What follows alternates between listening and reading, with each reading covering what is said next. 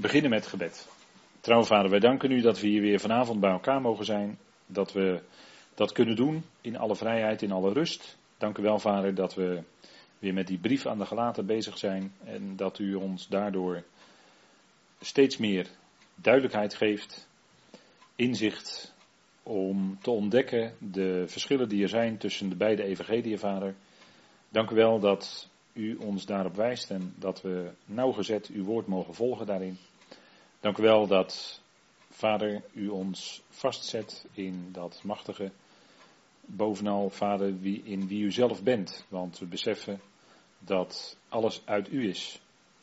Dat er niets is dat buiten u omgaat. U heeft het hele wereldgebeuren in uw hand. Ook al lijkt het aan alle kanten misschien uit de hand te lopen. Als we om ons heen kijken en de berichten lezen. Vader, dan zou de schrik om ons om het hart kunnen slaan.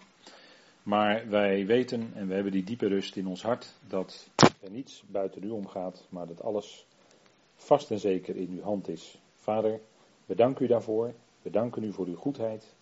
Dat we ook zo vanavond daarin het van u mogen verwachten. Geef ons wijsheid, inzicht. Dat het alles mag zijn, Vader, tot opbouw van ons geloof en bovenal tot eer van uw naam. Vader, we danken u daarvoor in de machtige naam van uw zoon. Amen. Goed, wij, uh, wij gaan kijken zoals aangekondigd naar het evangelie van de vooruit, zoals dat heet. Het wordt ook vaak genoemd het evangelie van de onbesnedenen. En ik wilde graag inleidend met u de enkele versen lezen uit Galaten 2, waar we lang bij stilstaan. En vanavond is nog echt niet de laatste keer dat we met dit stukje bezig zijn. Want uh, dit is een van de kernen van de hele brief. En daarom ongelooflijk belangrijk hoe we ook de schrift zien van daaruit. Hè.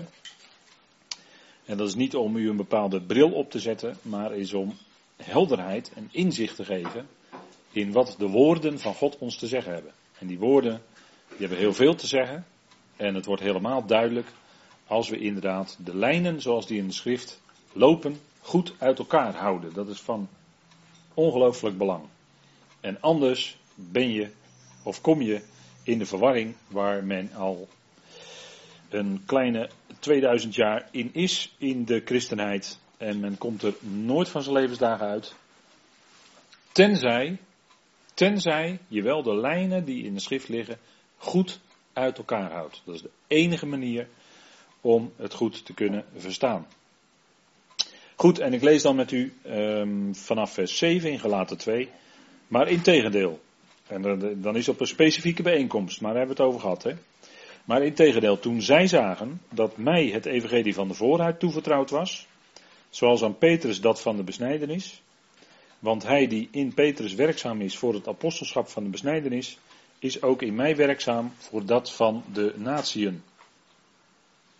En toen zij de genade erkenden die mij gegeven is, gaven Jacobus en Kefas en Johannes, die geacht werden steunpilaren te zijn, mij en Barnabas de rechterhand van gemeenschap, opdat inderdaad wij voor de natieën, maar zij voor de besnijdenis zouden zijn. Alleen dat wij de armen zouden gedenken, waarvoor ik mij ook inzet dit te doen. Goed, tot zover. En wij gaan kijken aan de hand weer van een aantal dia's naar deze tekst. En we gaan een uitstap maken naar het leven van Abraham. En in het bijzonder de periode, dat, want dat is van belang. In het bijzonder de periode waarin Abraham nog niet besneden was. Dus zeg maar Genesis 12 tot en met 15. En daar gaan we een aantal uh, dingen uit bekijken die uh, belangrijk zijn. Hoe Abraham leefde. We hebben het al uh, de vorige keer ook gezien. Maar ik herhaal het nog maar een keer, want herhaling is de basis van onderwijs, is de basis van het leren. Dat is al heel, een hele oude les, die al heel oud in de schrift ook terug te vinden is.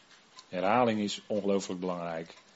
Hoe meer je herhaalt, hoe dieper de waarheid, hè, hoe, die, hoe dieper je die waarheid leert kennen. Twee evangeliën gaat het om. In Gelaten 2 vers 7 tot en met 10. Twee apostelschappen. Paulus en Petrus. En er was wederzijds volledige erkenning van elkaars apostelschappen en ook van elkaars evangeliën. Ze gaven elkaar de rechterhand van gemeenschap. Dat wil zeggen, ze kenden dezelfde Heer, Alleen diezelfde Heer gaf twee evangeliën. Roept ook twee instrumenten uit in zijn plan, namelijk Israël op aarde en de gemeente liggen van Christus te midden van de hemelingen voor de hemelse machten en krachten. En zo zal de hele schepping straks gaan delen in die heerlijkheid van God. Dat is de manier waarop God het doet.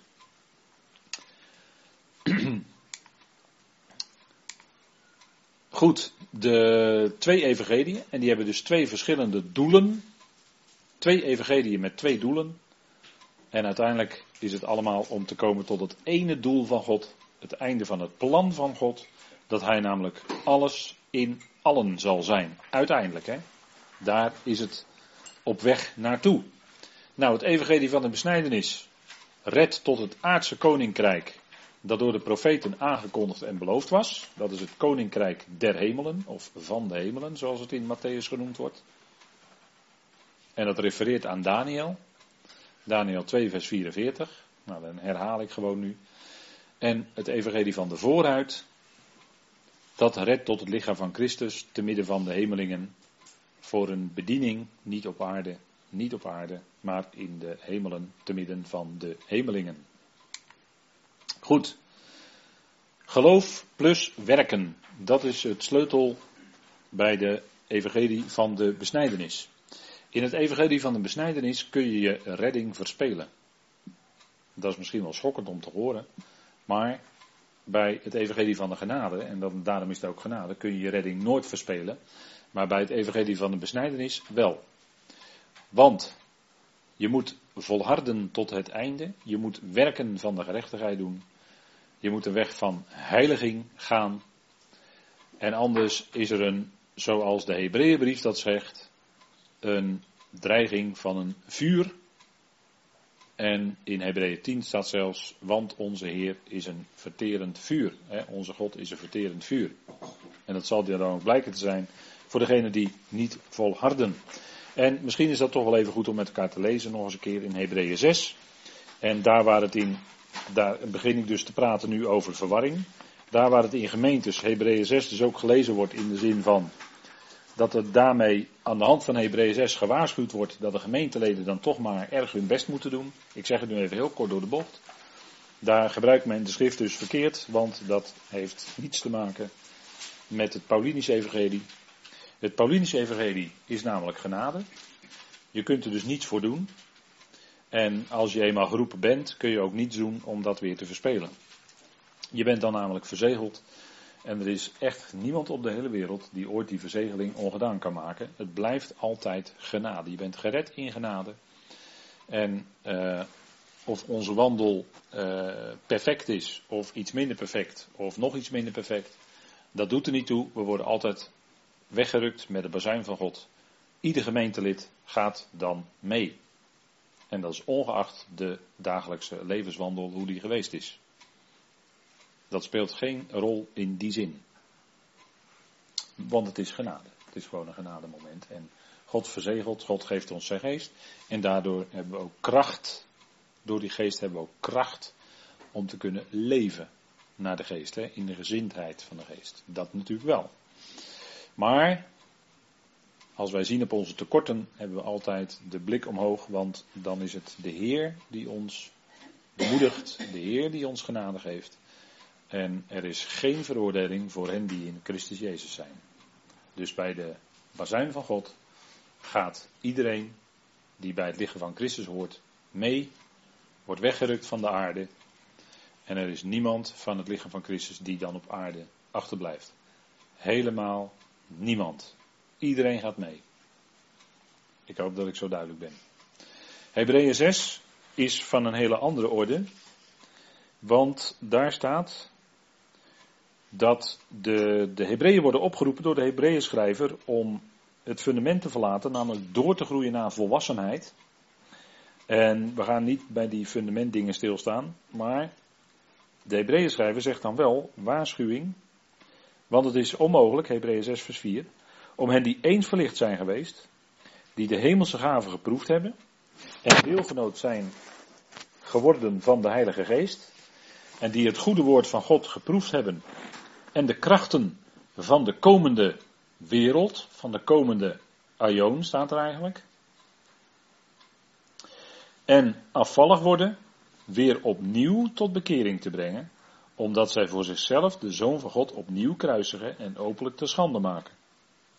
Want de aarde die de regen indringt, die er dikwijls opvalt en die nuttig gewas voortbrengt voor hen, door wie hij ook bewerkt wordt, ontvangt zegen van God.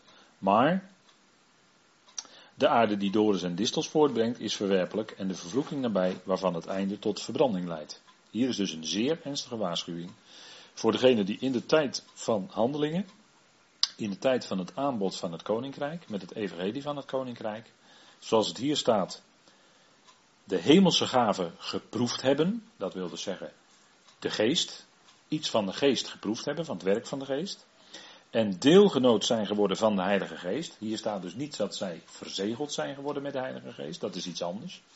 Zij zijn deelgenoten, ze zijn de Heilige Geest deelachtig geworden, maar dat is nog niet verzegeld zijn en dat is ook nog niet inwonen van de Geest. Dat staat hier ook niet. Ze kregen hoogstens de geest op zich, dat staat wel in handelingen.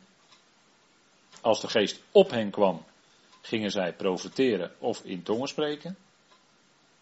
Maar zij werden niet verzegeld met de Heilige Geest. Dat staat er ook niet. Dat staat er niet. Dus we moeten scherp lezen, juiste uitdrukkingen in het juiste verband lezen. En diegenen die dus deel hadden gekregen aan die krachten van het koninkrijk, deel hadden gekregen aan de hemelse gaven, iets geproefd hadden van die zegeningen, als zij afvallig werden, vers 6, dus als zij terugvielen, was het onmogelijk op die, om die opnieuw tot bekering te brengen. Bekering is ook een typisch woord wat past bij de besnijdenis. Hè? Bekering, bekering en wedergeboorte. Omdat ze voor zichzelf de Zoon van God opnieuw kruisigen en openlijk te schande maken. Dus degene die daar in dat evangelie terugvielen, evangelie van het koninkrijk, wat is ook het evangelie van de besnijdenis, die zouden geen deel dus hebben aan dat koninkrijk. En zo zal het ook zijn in de toekomst, als de gemeente is weggerukt, dan gaat het evangelie van het koninkrijk weer gepredikt worden. Dan zal weer gebeuren wat in Joel staat en wat met handelingen met Pinksteren gebeurde. Wordt de Heilige Geest weer uitgestort. Dan krijgen mensen weer deel aan de Heilige Geest. Maar ook dan geldt, als zij niet volharden tot het einde, als zij niet uh, voldoende doen en niet erbij blijven, dan is het onmogelijk om die opnieuw tot bekering te brengen. En dan zullen ook zij wegvallen en geen deel hebben aan het koninkrijk. Matthäus 10 staat dat ook. Matthäus 24 staat het ook. Je moet volharden tot het einde en dan zul je gered worden.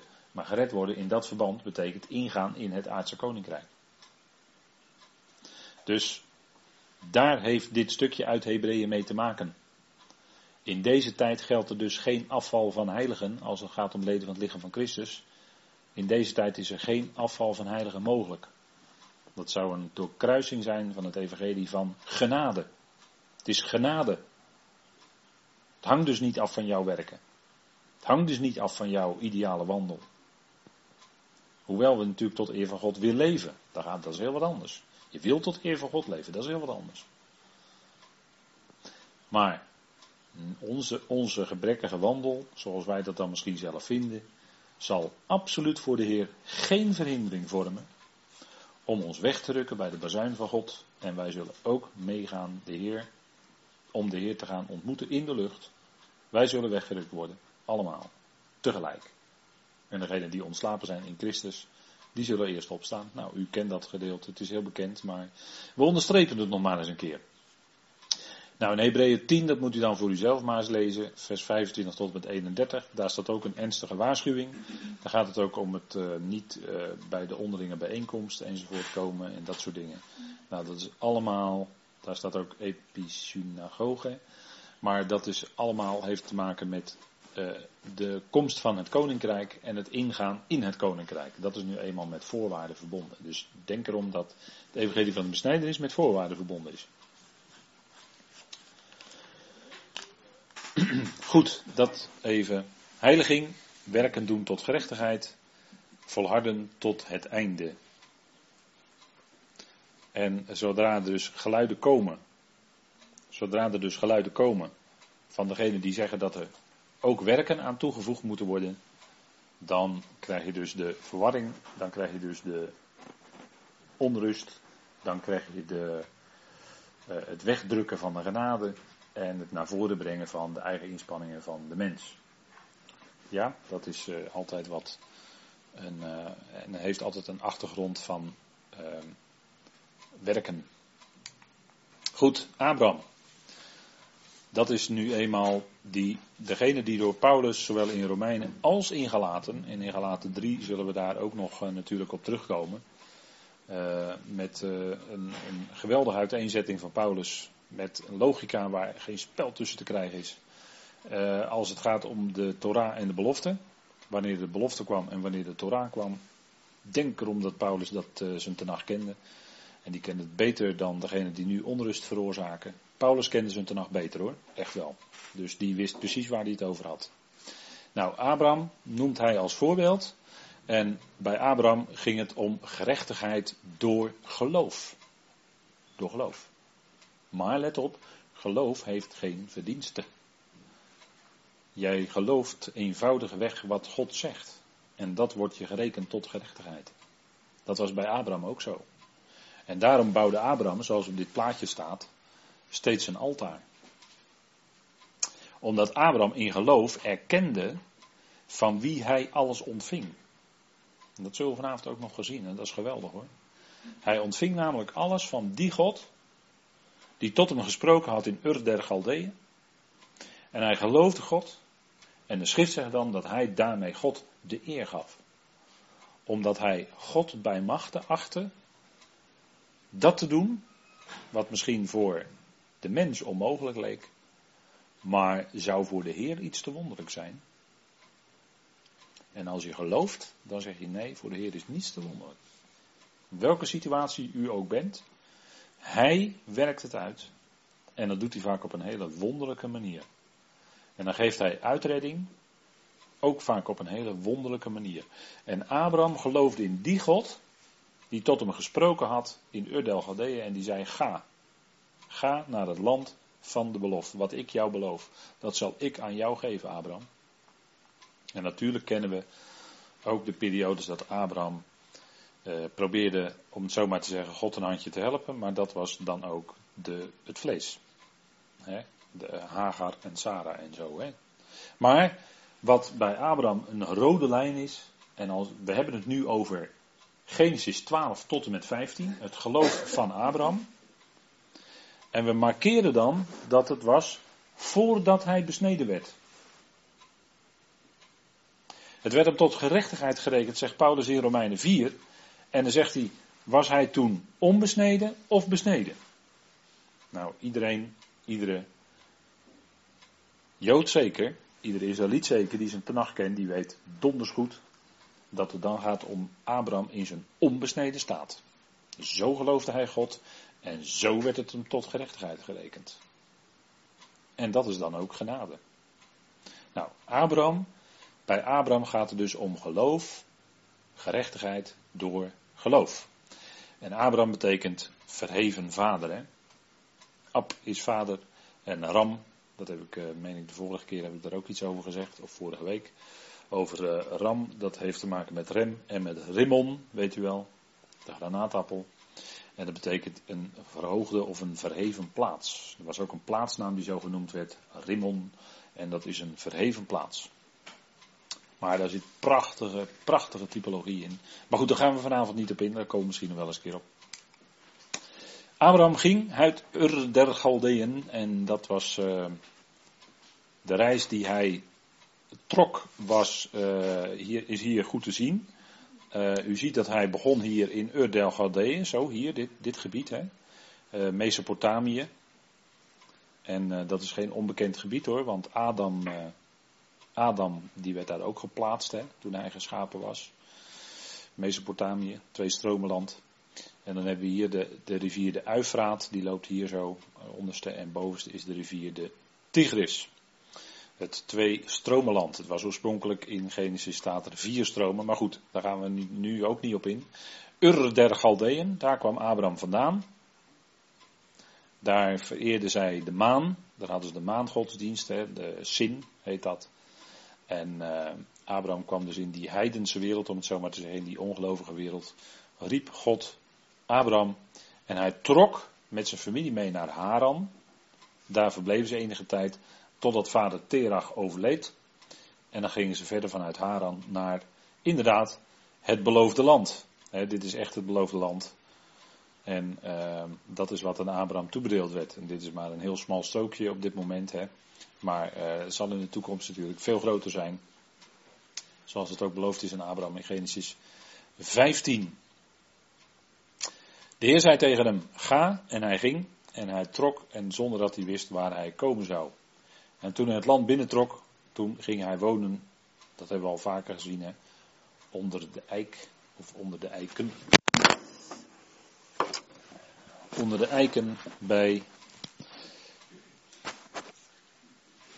Bij Mamre. Dat was bij Mamre, hè? maar hij ging voortdurend woonde hij onder eiken. Hè? Dat komt ook omdat het woord eik, het, woord, Hebreeuwse woord voor eik, is nauw verband aan het woord met, dat te maken heeft met eet, met een eedswering. En die belofte werd aan Abraham ook dan met een eed gezworen dat hij dat land zou krijgen en dat hij tot zegen zou zijn voor niet alleen uh, zijn eigen familie, maar voor alle geslachten van de aarde. En Abraham geloofde, moet u eens nagaan, hè? in zo'n in zo'n wereld en hij hoort die stem van God en hij gelooft en hij gaat op weg. Dat is wat. Want ja, verder in zijn omgeving is er nou niet bekend dat zijn familie nou gelovig was. Ze waren wel religieus. Ze vereerden de goden. De maangodsdienst hadden ze. Dan zagen ze natuurlijk dat de maan bepaalde cycli had. En de zon misschien ook wel. Maar goed, dat was in die wereld eh, heel gewoon om eh, de zon en of de maan te vereren. Maar goed, zij, eh, hij hoorde de stem van Yahweh en die zei ga en hij ging.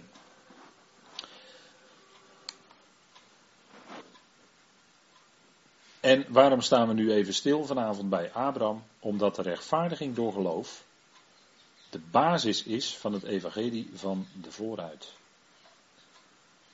Rechtvaardiging door geloof is de basis van het evangelie van de vooruit. Hier komt het evangelie van de besnijdenis niet aan toe. Het evangelie van de besnijdenis gaat tot en met bekering, wedergeboorte en vergeving van zonden. Maar we hebben de vorige keer gezien dat vergeving van zonden niet gebaseerd is op de gerechtigheid van God, maar is gebaseerd op het voorbijgaan aan de krenkingen door God. Maar daarmee waren ze nog niet weg, zegt Romeinen 3. Maar de gerechtigheid van God wordt onthuld, wordt geopenbaard, wordt onthuld in het evangelie van de onbesnedenen. En die gerechtigheid van God vormt de basis voor dat evangelie. En vormt niet de basis voor het evangelie van de besnijdenis. Of u moet het me aanwijzen, maar ik zou niet weten waar dat staat. Maar het is wel rechtvaardiging door geloof. En dan vinden we dat terug bij Abraham. En de rechtvaardiging door geloof die Paulus uh, in zijn brieven uh, brengt, naar voren brengt, in de evangelie van de voorhuid, is door het geloof van Jezus Christus. He, dat is natuurlijk de notie die er nadrukkelijk bij gesteld moet worden, omdat Hij is gekomen als de Messias en Hij is gestorven, he, gekruisigd, gestorven, begraven en opgewekt en dat was om de zonde van de wereld weg te doen. Want dat toont dat het ging om de gerechtigheid van God. Onder die verdraagzaamheid van God, zegt Paulus in Romeinen 3, werden de zonden niet weggedaan. Zij werden alleen vergeven. Maar het bloed van stieren en bokken kon de zonden niet wegnemen. Dat zegt de Hebreeën schrijver ook. Hè? Die daar heel uitgebreid op ingaat. Om ze een, glimp te geven richting het evangelie van Paulus. En hij betoogt dan dat alleen door het offer van Christus, dat dat het ware is en dat daardoor pas de zonden echt werden weggedaan voor God.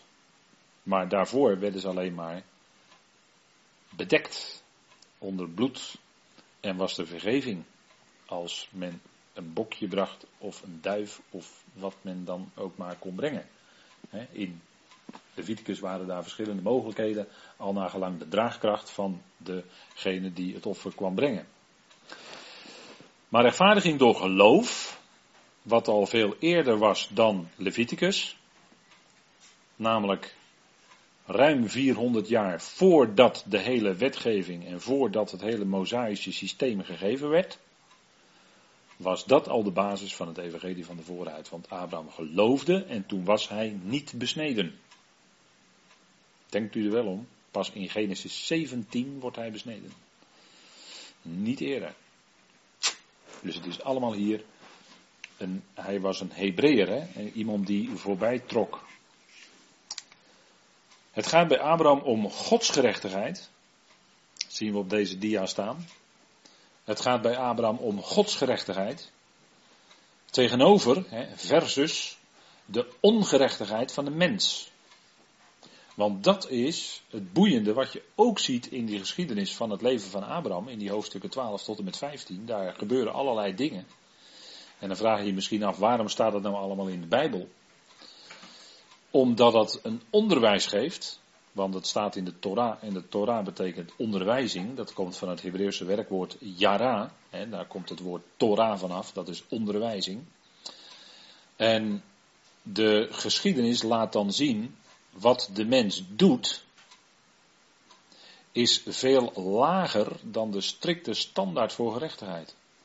Even goed om dat te beseffen. Hè? Als je dus praat over echte gerechtigheid, dan is dat wat gebeurde in die hoofdstukken van Genesis. Vanuit de mens ongerechtigheid. Maar wat Abraham doet in geloof, hoe Abraham handelt in geloof, dat laat zijn geloof zien. En laat ook zien dat hij handelt in overeenstemming met Gods gerechtigheid. En kijk, al wat God doet, gaat daar ver bovenuit. En dat is ook wat Abraham erkende. Abraham erkende dat God werkelijk God is. En daar gaat het allemaal om. En dat was ook de reden waarom hij altaren bouwde. Dat was een teken van aanbidding. En je kunt God alleen maar echt eren en aanbidden. Als je erkent dat Hij werkelijk God is. Dat Hij alles in zijn hand heeft. Dat Hem niets uit handen loopt. En dat Hij bij macht is veel meer te doen. En dan zeg ik met Paulinische woorden dan wat wij verzoeken of bidden. En dat zien, dat zien wij al in het leven van Abraham rijk geïllustreerd. En daarom hoe Abraham handelt is wonderlijk. Dat zou je menselijke wijze niet verwachten. Maar hij handelt omdat hij God kent en omdat hij God gelooft. En dat is heel belangrijk hoor. Want God echt kennen betekent ook tegelijkertijd God echt geloven. Dat we zeggen hem vertrouwen dat hij het zal uitwerken ten goede. Kijk, als we kijken met wie Abraham te maken had. Met wie had hij te maken? Met Lot. Abraham had te maken met Lot, dat was familie van hem. een neef, zijn neef Lot. Lot betekent sluier of een bedekking. En dat zien we ook in Lots leven. Hoewel Lot wel strikt genomen een rechtvaardige was, lag er toch in zekere zin, om het zo maar te zeggen, over het geloof van Lot een bepaalde sluier. Hij erkende God niet zo als Abraham God erkende. Of hij geloofde niet eh, God zodanig zoals Abraham God geloofde. En toen zij dus het land binnenkwamen, toen hadden zij dus, toen kwamen ze dus uh, uh,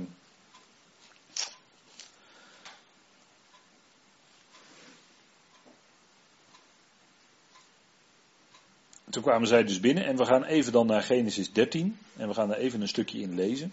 Op de geschiedenis van Abraham en Lot. En Abraham is dan in Egypte geweest. En goed, daarover zou ook nog wel het nodige te zeggen zijn, maar goed, dat uh, voert nu even te ver. Maar er staat in Genesis 13, Berashit, hè, Berashit, en dan het dertiende hoofdstuk, Genesis betekent in beginnen. Daar begint het boek Genesis ook mee. Berashit. En er staat in Genesis 13 vers 1, zo trok Abraham weg uit Egypte naar het zuiderland. Daar staat in het Hebreeuws eigenlijk Negev. En dat hadden ze misschien beter kunnen laten staan. Naar de Negev trok hij. Weg uit Egypte naar de Negev. En hij en zijn vrouw en alles wat hij had. En Lot met hem. En Abraham was zeer rijk aan vee, aan zilver en aan goud. Dus het was een uh, vorst, hè? dat was zo'n Oosterse vorst. Met heel veel tenten en vee en kamelen en bedienden en noem alles maar op. Het was een hele karavaan. En hij reisde van rustplaats naar rustplaats vanuit het zuiderland tot aan Bethel. Naar de plaats waar zijn tent eerst had gestaan tussen Bethel en Ai. En u weet, Bethel betekent huis gods. Maar Bethel heette eerst Lus. L-U-Z. Waar ook Jacob kwam later. Bij Lus. En die noemde de plaats later Bethel. Dus degene die dit uh, opgesteld heeft, heeft hier uh, de naam Bethel vermeld. Wat, wat toen gekend werd als Bethel. Maar het heet eerst Lus. En Lus betekent, we kennen het ook in het woord, in ons Nederlandse woord lus. Hè, een lus, dat is uh, zo, een lus maken. Als je over de kaart een lus loopt, dan loop je als het ware een omweg. Hè, dan ga je door een, lus. Dan verlaat je even de rechte weg. Je maakt een lus, een omweg en je komt weer terug op de juiste weg. Nou, dat is ook precies wat het Hebreeuwse woord betekent, want het betekent afwijken. Of afwijken, lus. Dus dat is, dan wijk je af van de weg. En zo week uh, Jacob, die week ook af van de weg, want die ging toen naar Laban, weet u wel. En die kwam er later terug en hij legde daar zijn hoofd op die steen en hij noemde die plaats toen hij gedroomd had met die ladder, weet u wel, of met die trap eigenlijk omhoog naar de hemel was geen ladder. Het was een trap omhoog, een stenen trap. En hij noemde die plaats Bethel, huis gods. Nou, dat even over Bethel. Naar de plaats van het altaar, daar hebben we het, hè? Altaar. Abraham bouwde altaren. Dat hij daar vroeger gemaakt had. En Abraham riep daar de naam van JW aan. Of Yahweh wordt het ook wel eens gezegd. Maar JW is uh, naar een letterlijke transcriptie van de vier Hebreeuwse letters. Lot, die met Abraham meeging, had ook, had ook klein vee en runderen en tenten. En dan voel je hem al een beetje aankomen. Abraham had heel veel rijkdom, tenten, hè, met heel veel vee enzovoort. Maar Lot ook. En dan weet u wat er gebeurt, hè. Daar, daar, dat kan niet helemaal goed gaan dan, denk je dan. En dat land liet het niet toe, daar heb je het al, dat ze bij elkaar woonden, want ze hadden veel bezittingen, zodat ze niet bij elkaar konden wonen. Want ja, dat vee kan natuurlijk maar op één plaats tegelijk grazen en eten. En als er heel veel vee is, ja, dan is het te veel, dan gaan ze elkaar verdringen. Er ontstond oneenigheid tussen de herders van het vee van Abraham en de herders van het vee van Lot. Bovendien woonden in die tijd de Canaanieten en de Ferizieten in dat land. En Abraham zei tegen Lot: Laat er toch geen oneenigheid tussen, zijn tussen mij en jou, tussen mijn herders en jouw herders. Wij zijn immers mannen die broeders zijn. Ligt heel het land niet voor je open? Scheid je toch van me af. Als jij naar links gaat, dan zal ik naar rechts gaan. En als jij naar rechts gaat, dan zal ik naar links gaan. En Lot sloeg de ogen op en zag dat, het, dat heel de Jordaanvlakte rijk aan water was, voordat de Heer Sodom en Gomorra te gronden had gericht, zoals ze in de richting van Zoar.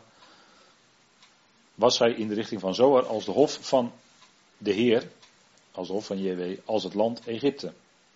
Daarom koos Lot voor zichzelf heel de Jordaanvlakte en Lot trok naar het oosten en ze werden van elkaar gescheiden. En Abraham woonde in het land Canaan en Lot woonde in de steden, in de vlakte en zette zijn tenten op tot bij Sodom. De mannen van Sodom waren echter zeer slecht en grote zondaars tegenover de Heer. Wat, zien we hier gebeuren? Abraham die zegt, nou, Lot, Abraham is uit op vrede, hè? dat is sowieso al een teken dat hij in contact is met God. Hè? Hij is uit op vrede. Hij wil niet dat er oneenigheid is. En hij laat de keuze aan Lot. En dat was bijzonder, want eigenlijk had Abraham rechtens de belofte gekregen dat hij dat land zou bezitten. Maar hij laat toch de keuze aan Lot om dan eventueel het beste te kiezen van het land. Maar Abraham handelde daarbij in geloof. Want hij geloofde God dat God hem dat land zou geven. En dan maakte het voor Abraham eigenlijk niet meer uit. En zo liet hij dan aan Lot, die minder, uh, minder aanspraak daarop kan maken, laat ik het zo maar zeggen. Die daar veel minder aanspraak op kan maken dan Abraham. Want eigenlijk was heel het land aan Abraham beloofd. Maar toch laat hij aan Lot de keuze. En wat deed Lot?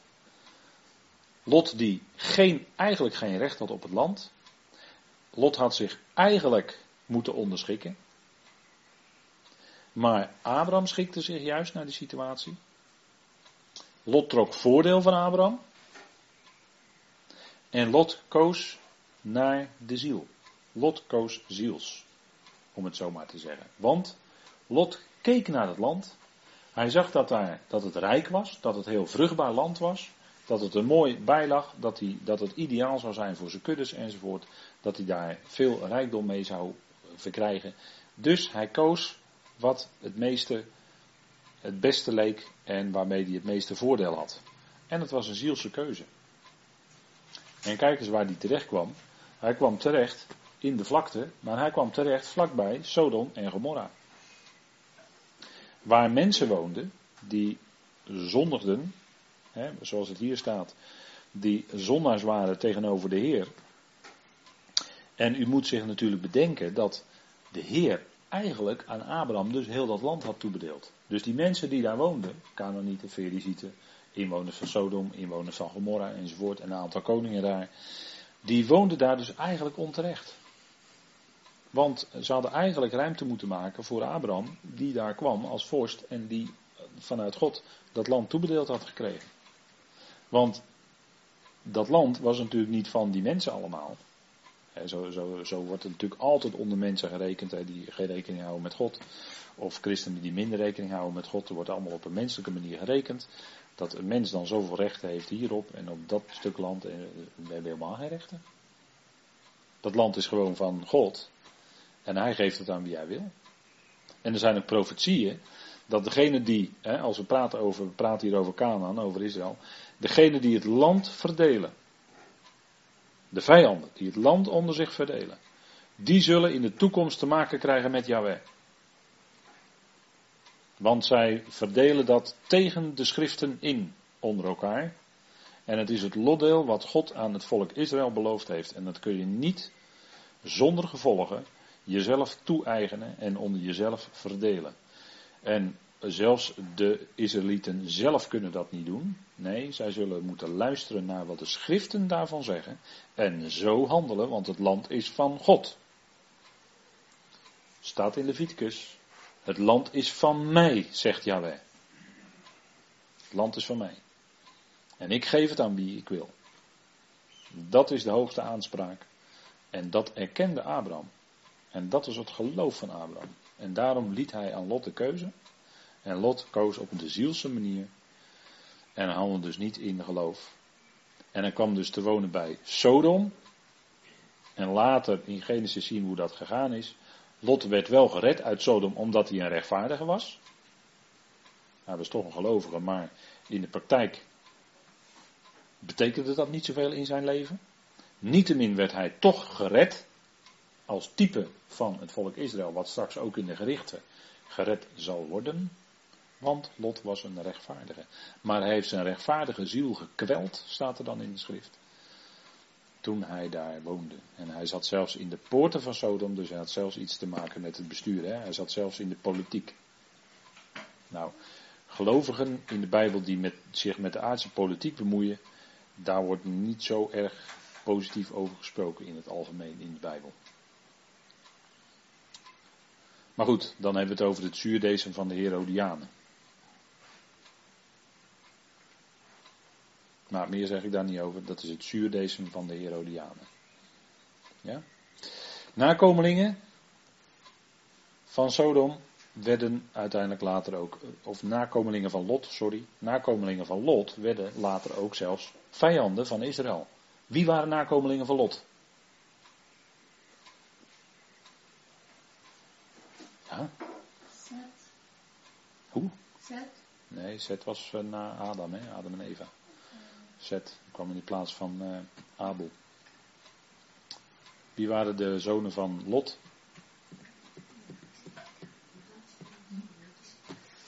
Ja, daar zitten we dan.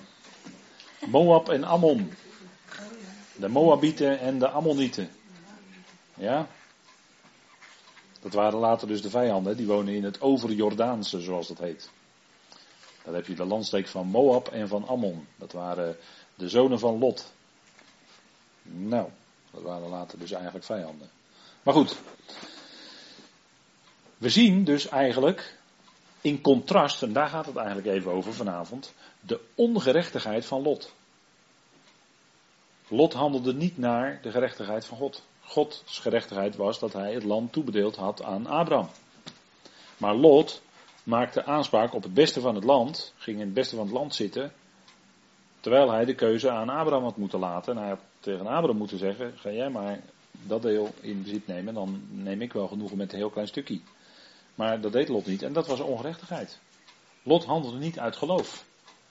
Er lag een sluier over zijn geloof, zegt zijn naam dus ook, hè? sluier, bedekking. En dat is in contrast met hoe Abraham handelde. Abraham die uit was op vrede, die zei Lot, maak jij de keuze maar. En zoals Lot dan de keuze maakte, legde Abraham zich bij neer en Abraham trok zich als het ware terug. Hij was uit op vrede. Dat wat overeenstemt met gerechtigheid. En uh, dat is als je God erkent als God in je leven, dan hoef jij namelijk de dingen niet naar jouw hand te zetten. Daar hebben we een heel vervelend woord voor in Nederland, in het Nederlands. Maar dan hoef jij de dingen niet naar je hand te zetten, maar dan verwacht je het volledig van God. Ja? En, en dat, dat zijn uh, moeilijke dingen, want het kost ons vaak meer kracht om niet iets te doen, dan om wel iets te doen en te handelen en de, hè, en de dingen naar onze hand te willen zetten. Ja? Maar te wachten op de Heer en het alleen van Hem te verwachten en te beseffen zou voor de Heer iets te wonderlijk zijn? Het antwoord erop is duidelijk, hè? nee, voor de Heer is niets te wonderlijk. Zo afwachten in geloof. Dat is het moeilijkste voor de mens hoor. Want de mens wil graag iets doen. Ingrijpen. Dingen naar de hand zetten, dingen veranderen. Maar laat het aan God over. Kijk, hier zien we dan even een mooi plaatje van uh, Lot en Abraham. Die dan uh, daar staan. En Lot ziet dat prachtige land. En uh, ja, dan is de keuze natuurlijk snel gemaakt, hè. Kies het beste, meeste rijkdom enzovoort. Dat is helemaal de ziel. Wat is nou de gerechtigheid van het geloof bij Abraham? Kijk, Abraham had door belofte recht op het land. Recht heb ik even tussen aanhalingstekens gezet, omdat het hem in genade, hij had het zich niet toegeëigend, maar hij had het in genade ontvangen van God. God had het aan hem beloofd. En Abraham geloofde in de belofte van God. En die belofte zou God waar gaan maken. Want hij had met een eed gezworen aan Abraham. En dat is ook voor ons, hè, want dit, dit is geweldig leerzaam voor ons hoor. Dan denkt u, ja, wat moet ik nou met zo'n oude geschiedenis uit Genesis, alsjeblieft. Dat is geweldig leerzaam, dat is onderwijzing voor ons. Wij hebben geweldige beloften gekregen van God. En wij zouden leven in geloof op die belofte van God. Daarop staan met je hele hebben en houden, met je hele leven. Wat God beloofd heeft. Want Hij zal waarmaken wat Hij beloofd heeft. Hij is getrouw hij zal het ook doen. Alsjeblieft. Zo is het, hè? En, en dat is wat ons geloofsleven inhoudt. En als we ochtends opstaan en we hebben een hele moeilijke dag misschien voor ons met allerlei moeilijke dingen, dan mogen we op God vertrouwen, die die beloften gegeven heeft, dat Hij het ook die dag zal doen. En we mogen dan ook beseffen, zou Heer vandaag voor u iets te wonderlijk zijn? Nee. En dan kunnen we amen zeggen in geloof, en dat is ook het Hebreeuwse woord voor geloof, Amen. En dan gaan we in volle vreugde en vol vertrouwen op weg, die dag in, omdat we weten dat God ons leven zal leiden en dat Hij de kracht en rots onder onze voeten is. Zo gaan we dan op weg, net als Abraham. En ziet u hoe ongelooflijk praktisch deze onderwijzing is, die wij leren uit het leven van Abraham. Kijk, Abraham onderschikte zich aan de God die beloofd had. En onderschikking, dat is het grote plan van God. Hè? Dat is het plan waar God, wat God ontworpen heeft. En ieder schepsel zal komen tot onderschikking aan God. En, en als je je onderschikt, dan, dan uh, dan, dan verwacht je alles van God. Dan, dan schik je ook naar wat God doet in je leven. Dan schik je naar hoe God het uitwerkt. in jouw leven, in het leven van je kinderen, in het leven van je kleinkinderen, in het leven van je familie. en, en, en, en dat is onderschikking. En dat is zo moeilijk voor ons als mensen. Maar je echt onderschikken aan dat woord. Echt onderschikken aan God. Hè? Dat is God erkennen als God. En een groot voorbeeld daarvan was de Heer zelf. Die op weg ging. En geloofde. Zelfs toen ze hem aan het kruis na, nagelden en ze allerlei dingen riepen. Kom af van het kruis, bewijs maar dat je de zoon van God bent. Nee. Hij geloofde vader. Zelfs toen hij aan het kruis hing met verschrikkelijke pijn. Hij geloofde vader dat vader bij machten was hem uit de doden op te wekken. Hij wist zeker dat vader dat zou doen. En in dat geloof is hij gestorven. En vader wekte hem op. Natuurlijk, vader had het beloofd, dus hij wekte hem op. Tuurlijk. Dat is, dat is natuurlijk hè, het woord van Yahweh. Dat is ook een daad, hè, dat is dabar. Dat is niet alleen een woord, maar dat is ook een daad tegelijkertijd. En het kan misschien eeuwen duren voordat die daad ook daadwerkelijk in vervulling gaat. Maar het zal gaan gebeuren. En het land is beloofd aan de nakomelingen van Abraham. Die zullen tot zegen zijn. En zo zal het ook gaan gebeuren. En wij kunnen ons met de psalmist afvragen, hoe lang heren, hoe lang? Ja, het kan soms langer duren dan wij denken. Maar hij zal het vervullen op zijn tijd. Nou, en dat is ook precies wat in Abrahams leven gebeurde. Op zijn tijd kwam de zaad, het zaad van de belofte, kwam Isaac. toen Abraham 100 jaar oud was. Nou, ga ik niet in op die 100, daar zit ook nog wel symboliek in. Maar goed, dat, in ieder geval, toen kwam, werd die belofte vervuld. Nou, hij onderschikte zich. Hij wilde dus vrede. Hij onderschikte zich. Er was ruzie tussen de herders, maar Abraham was uit op vrede. Hij onderschikte zich aan God.